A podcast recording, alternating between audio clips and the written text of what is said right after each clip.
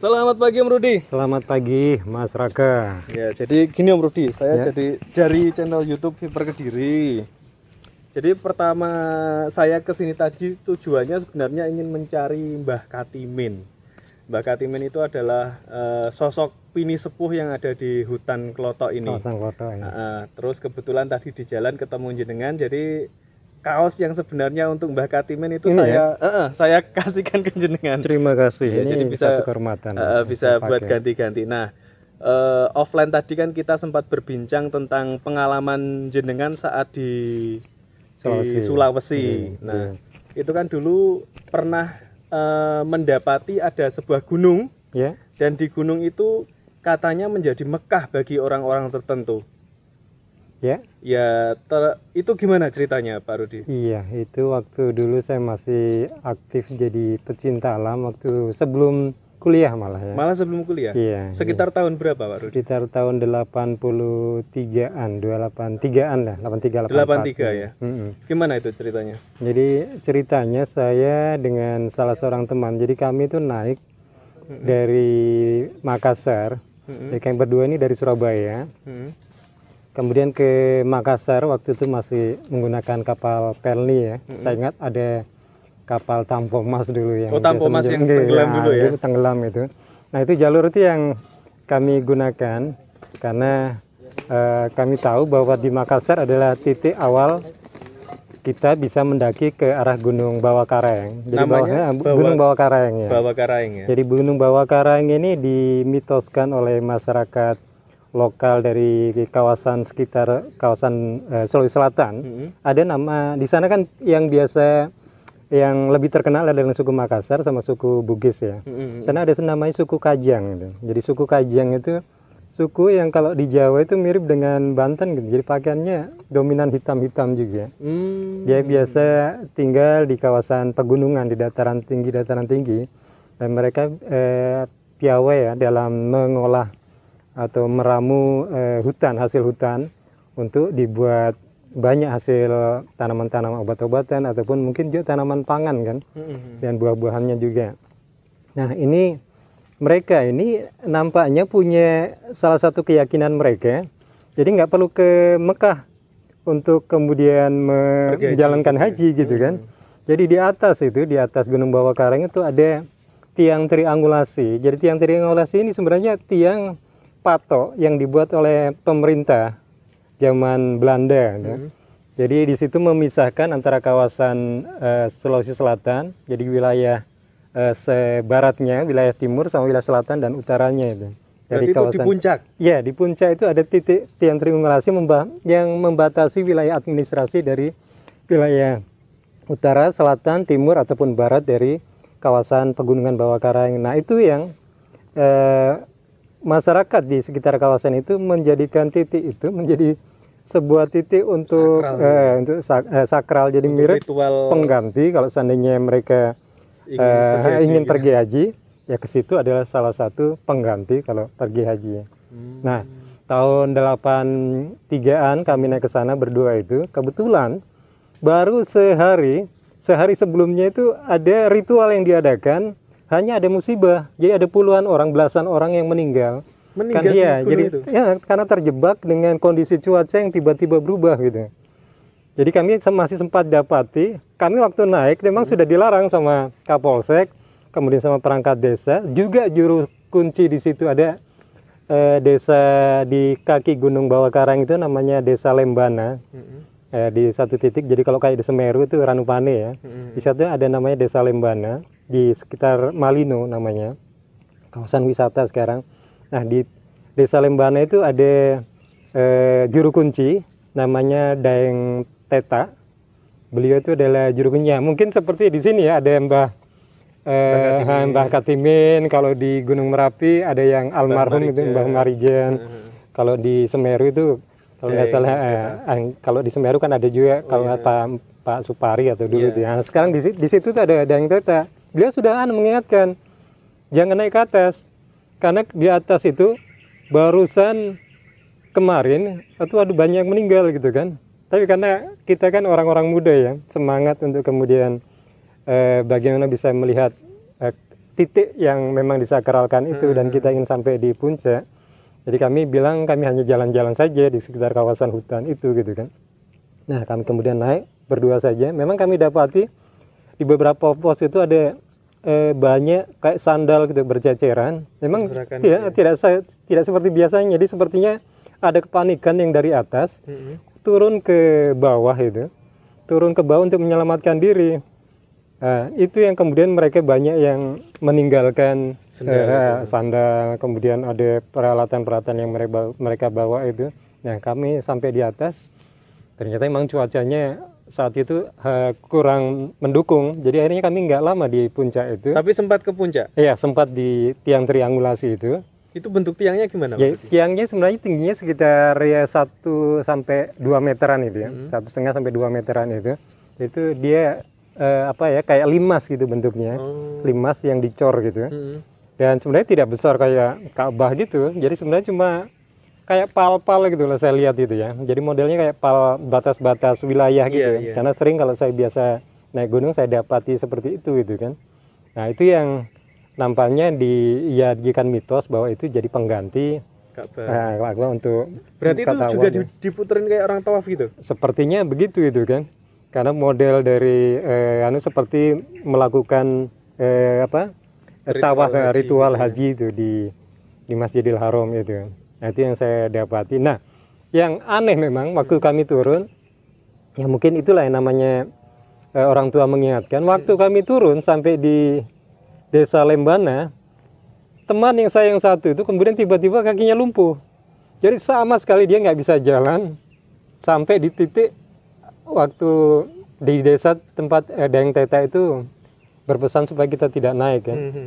Sebenarnya kita rencana mau ngopi, tapi karena tiba-tiba waktu di ngopi itu kita teman itu kemudian tiba-tiba tidak bisa jalan, ya akhirnya kita- saya menunggu teman itu supaya dia, tapi dia tidak bisa pulih-pulih gitu kan. Jadi saya kami berusaha untuk coba keluar karena kan sudah mulai gelap gitu kan. Iya.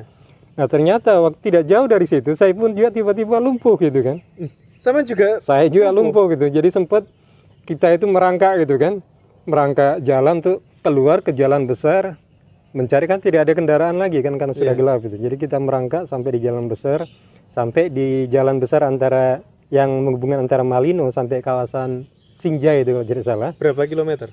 Itu mungkin sekitar 4 kiloan, 4, 4 5 kilo ya. merangkak? Iya, 4 5 kilo lah kita merangkak di situ meng, me- naik turun kemudian eh, ngikuti ada anu jem- eh, su- sungai gitu kan. Iya.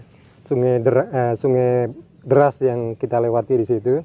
Nah, itu yang Juga jebur ke sungai berarti. tidak ada eh, jadi Ada ada, kayak jembatannya semacam gitu. jembatannya itu itu yang kita lewati. Saya lihat oh teman ini kayaknya memang sudah susah payah. Makanya saya berusaha keluar dulu untuk kemudian minta tolong kalau seandainya kemudian ada kendaraan ya. Berarti temennya juga ikut di belakang atau di belakang tertinggal? saya karena dia eh, nggak mampu untuk kemudian tenaganya juga terkuras habis. Jadi saya berusaha untuk saya tinggalkan dulu untuk Tapi tetap dengan merangkak tadi, Pak? dengan merangkak juga gitu.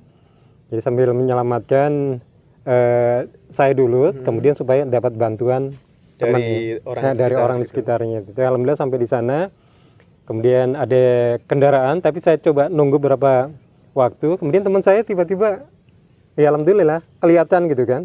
Kemudian kami gabung turun di eh, Malino itu kan Itu tetap merangkak atau bisa tidak bisa jalan? naik kendaraan karena kan sudah di pinggir jalan kan Oh, pinggir gitu. jalan besar Jadi ada eh, nepeng orang gitu ya? iya ada kendaraan yang lewat kalau nggak salah itu waktu ada kendaraan apa truk gitu kan pengangkut hasil bumi di sana itu Terus ketemu lagi sama Dayang itu tadi enggak? Tidak, karena kami juga kan kami juga merasa malu juga Iya, kan, merasa- khawatirnya juga nanti malah dimarahi gitu kan. Akhirnya kami langsung ke Malino, hanya kami lapor ke polsek di sana di kawasan Malino itu, itu. Gimana? Lapor lapor untuk apa? Ya lapor hanya bahwa kan memang mereka pesan kalau sampai di atas kemudian harus lapor gitu kan. Hmm. Waktu turun itu, jadi kami lapor sudah sampai. Artinya kondisi kita itu selamat gitu kan, Oh iya. sampai di bawah itu. Berarti kayak absensi gitu Ya, ya? absen saja itu. Terus untuk yang orang meninggal itu tadi gimana ceritanya? Mungkin ad- ada dengar dari Daeng itu tadi atau dari orang orang lain itu gimana Pak Rudi? Ya, yang kami dengar dari Dayang Teta bahwa waktu eh, waktu kejadian itu kronologi kronologinya itu banyak orang dari banyak. Jadi ini tempat ritualnya itu yang dijadikan eh, haji itu ya di atas itu. itu banyak dari kawasan Sinjai, banyak juga dari kawasan jadi di- eh, kabupaten-kabupaten di bawah itu nampaknya menujunya ke atas itu itu kan. Hmm. Eh, be- bertemu di situ, kemudian pada saat kemudian cuaca buruk, nah, kemudian mereka berusaha menyelamatkan diri. Nah, Akhirnya yang kemudian yang menyelamatkan eh, yang apa ya yang mengevakuasi yang kami dengar ini dari kepolisian itu adalah memang dari ke- eh, polisi setempat ini dari kawasan Malino itu yang banyak kemudian me- mengevakuasi eh, mayat-mayat yang orang-orang kedinginan ya berarti yang hipotermi ya. itu- hipotermi ya Berapa orang kalau data itu? Iya kalau yang kalau tidak salah karena saya juga waktu turun sempat juga baca di koran itu sekitar 19-an orang gitu ya. 19 Iya, orang yang meninggal karena meninggal karena itu ya. ritual di situ itu tadi. ya. ritual itu yang kemudian tiba-tiba berubah cuaca Hmm. Dan itu yang kemudian mereka panik ada yang terinjak-injak ada yang kedinginan dan yang banyak itu ya karena kedinginan itu dengan hipotermia. Hipotermia mereka terjebak di situ Berarti itu eh, saat ritual itu malam hari baru dia. Atau ritual ya tidak. Sebenarnya sewaktu-waktu itu mereka. Tidak enggak tidak saat malam. kejadian itu, saat kejadian itu. Saat kejadian itu kayaknya sore hari itu. Sore hari iya. ya. Berarti saat dingin-dinginnya cuaca saat dingin-dinginnya cuaca kemudian tiba-tiba hujan. Karena waktu saya naik saya ingat saya itu bulan sekitar Januari. Jadi memang puncak-puncaknya hujan. ya curah hujan kan yang tinggi di kawasan situ juga itu kan. Karena memang di situ kan memang eh, bawah karangnya sebenarnya ketinggiannya nggak begitu tinggi ya sekitar 2000-an meter lah 2000-an meter. Tapi karena Sudah puncak ya itu 20 Iya. ribuan meter di ribuan meter itu tidak seperti gunung gunung apa rantai kompola ya. Hmm. kemudian Latimojong di situ yang memang ang- eh, di sekitar 2000 lebih sampai 3000 meter ya cuman memang yang jadi unik karena di situ memang dekat dengan kawasan Malino. Malino ini kawasan wisata yang sudah dibuka dari zaman Belanda. Hmm. Di situ ada namanya perjanjian eh, Bongaya jadi waktu Kesultanan Hasanuddin Hmm. kemudian tidak mau menyerah dengan Belanda dan dipaksa untuk kemudian em, eh, menandatangani perjanjian. Nah, Malino itulah tempat eh, perwakilan dari Belanda sama anu dari Hasanuddin untuk menandatangani perjanjian Oh, gitu. Bongaya namanya. Berarti sejak zaman kerajaan ya. Iya, Kesultanan, Kesultanan. ah, ah. Hasan. kawasan Goa Hasanuddin tuh sebagai raja di situ itu. Terus pengalamannya jenengan saat eh, apa men- mendalami agroforestry Pak Rudi ya. Oh ya. Itu berapa tahun kalau boleh tahu di dalam hutan itu? Ya kegiatan sebenarnya kegiatan agroforestinya di luar program yang memang eh, formal yang saya lakukan dari tahun sekitar 2013-an sampai 2017. Sebelumnya memang kita sudah melakukan kegiatan agroforestry itu ya. Itu dari tahun 2000-an karena memang kita sudah mendampingi kawasan hulu ini di Sulawesi Tenggara ya. Hmm. Jadi Sulawesi Tenggara karena kita penggiat lingkungan sering melakukan aktivitas di gunung kemudian di daerah pedalaman itu kita melihat bahwa di hutan-hutan itu hutan-hutan di sana rapat ya karena Sulawesi Tenggara itu memiliki hut- luasan hutan yang cukup luas di Sulawesi dan di situ ada eh, banyak eh, fauna salah satunya itu serangga yang menjadi indikator hutan itu masih bagus atau tidak gitu. Hmm. Nah, salah satu indikator dari eh, apa ya, hewan atau anu di sana ya, eh, habitat di sana adalah serangga, namanya lebah itu Apis dorsata. Nah, itu yang kemudian diolah secara turun temurun oleh masyarakat setempat untuk kemudian diolah menjadi eh, madu yang bisa dijual gitu kan Oh gitu. dijual. Nah ini yang kita berpikir bagaimana kemudian menjadikan eh, eh, hutan itu tetap lestari, tetapi masyarakatnya dapat pendapatan secara ekonomi yaitu di nah, kegiatan agroforestry. ya. Jadi kegiatan agroforestry ini lebih kepada bagaimana ada manfaat eh, hutan itu buat masyarakat di sekitar, tapi tidak mengabaikan kelestarian dari lingkungan itu. Nah, salah satu tindakan eh, agroforestry atau wanatani ya itu adalah bagaimana me- apa, memanfaatkan potensi-potensi yang ada di situ yaitu salah satunya serangga dengan serangga lebah yaitu dengan Madunya. membuat madu. Tapi konsep madu kita adalah madu yang lestari dan higienis itu. Terus Pak Rudi, pengalaman kalau bisa dibilang itu pengalaman mistisnya apa Pak Rudi saat eh, Anda di dalam hutan bersama teman-teman itu saat penelitian? Tapi kita juga agak bingung juga apa yang dimaksud dengan banyak Penduduk penduduknya itu, gitu. Tapi setelah eh, kemudian melewati kawasan situ kita diberitahu bahwa di situ di situ tuh banyak eh, kampung orang-orang yang tidak terlihat gitu kan. Mungkin yang dimaksud adalah jin. itu.